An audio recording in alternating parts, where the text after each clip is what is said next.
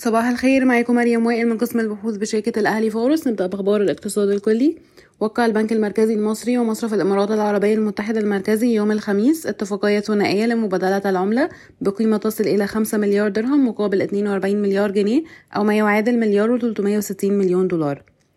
محافظ البنك المركزي المصري التقى بنظيره الصيني لتعزيز التعاون الاقتصادي بين البلدين من أبرز المواضيع التي تمت مناقشتها اتفاقية مبادلة العملة تعزيز الشراكة بين الجانبين والمساهمة في الاستقرار المالي.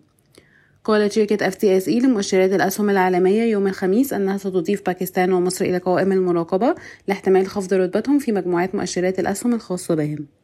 أعلن الرئيس عبد الفتاح السيسي أن إيرادات قناة السويس تبلغ حاليا 10 مليار دولار ومن المتوقع أن تتجاوز 10.5 مليار دولار بنهاية عام 2023 قال وزير المالية أنه من المتوقع أن يتسع عجز الموازنة إلى 6.9% من الناتج المحلي الإجمالي في العام المالي الحالي قبل أن يتقلص إلى 4.7% بحلول السنة المالية 27-28 قال الرئيس التنفيذي للهيئة العامة للاستثمار يوم السبت أن تدفقات الاستثمار الأجنبي المباشر ارتفعت بنسبة 10% على أساس سنوي في السنة المالية 22-23 تخطط الهيئة العامة للاستثمار والمناطق الحرة لتطبيق حوافز ضريبية على المشروعات الجديدة اعتبارا من نوفمبر. تعمل الهيئة العامة للاستثمار والمناطق الحرة على تقليل الوقت اللازم للإفراج الجمركي من 147 يوم إلى 14 يوم. أعلنت وزيرة التخطيط أن مصر تستهدف تحقيق معدل نمو سنوي مستدام يتراوح ما بين 7 و 8%.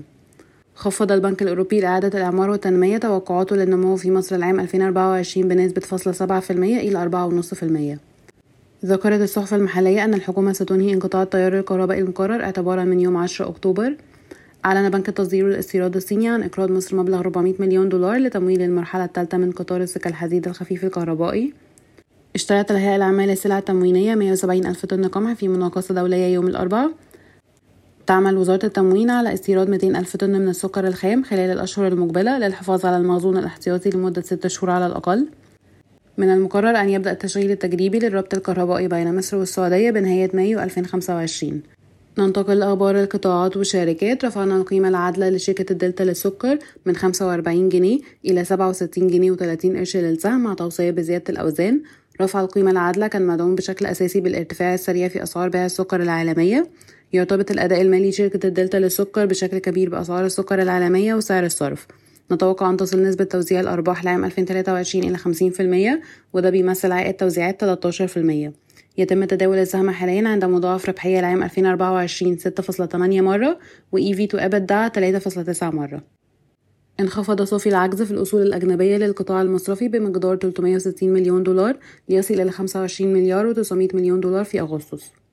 وافقت الجمعية العامة العادية لشركة مصر للصناعات الكيماوية المنعقدة في 26 سبتمبر على توزيع أرباح للسنة المالية 22-23 قدر 3 جنيه للسهم ده نسبة توزيعات 40% وعائد توزيعات 9.3% توزيع نصف سهم مجاني لكل سهم بالإضافة إلى الأرباح النقدية الموافقة على إنشاء شركة جديدة لإنتاج حبيبات الكلور بالتعاون مع الشركة القابضة للصناعات الكيماوية وشركة كادنس للطاقة والاستشارات.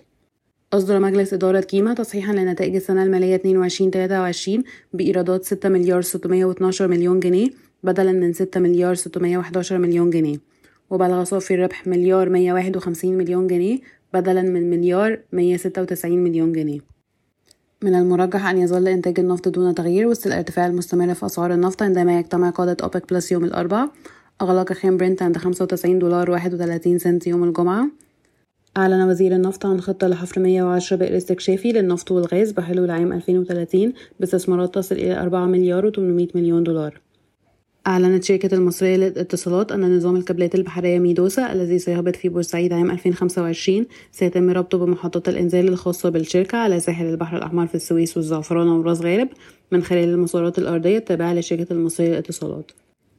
أعلنت شركة سبيد ميديكال عن النتائج المالية المجمعة للربع الثاني من عام 2023 والتي أظهرت صافي خسارة قدرها 25 مليون جنيه تقريبا مقارنة بصافي خسارة قدرها 36 مليون جنيه في الربع الثاني من عام 2022 وصافي خسارة قدرها 24 مليون جنيه في الربع الأول من عام 2023 بلغت الإيرادات 14 مليون جنيه في الربع الثاني من عام 2023 وده انخفاض 15% على أساس سنوي وانخفاض 11% على أساس ربع سنوي. يتطلع صندوق آركير إلى فرصة استثمارية جديدة في مجال الرعاية الصحية في مصر. شكرا ويوم سعيد.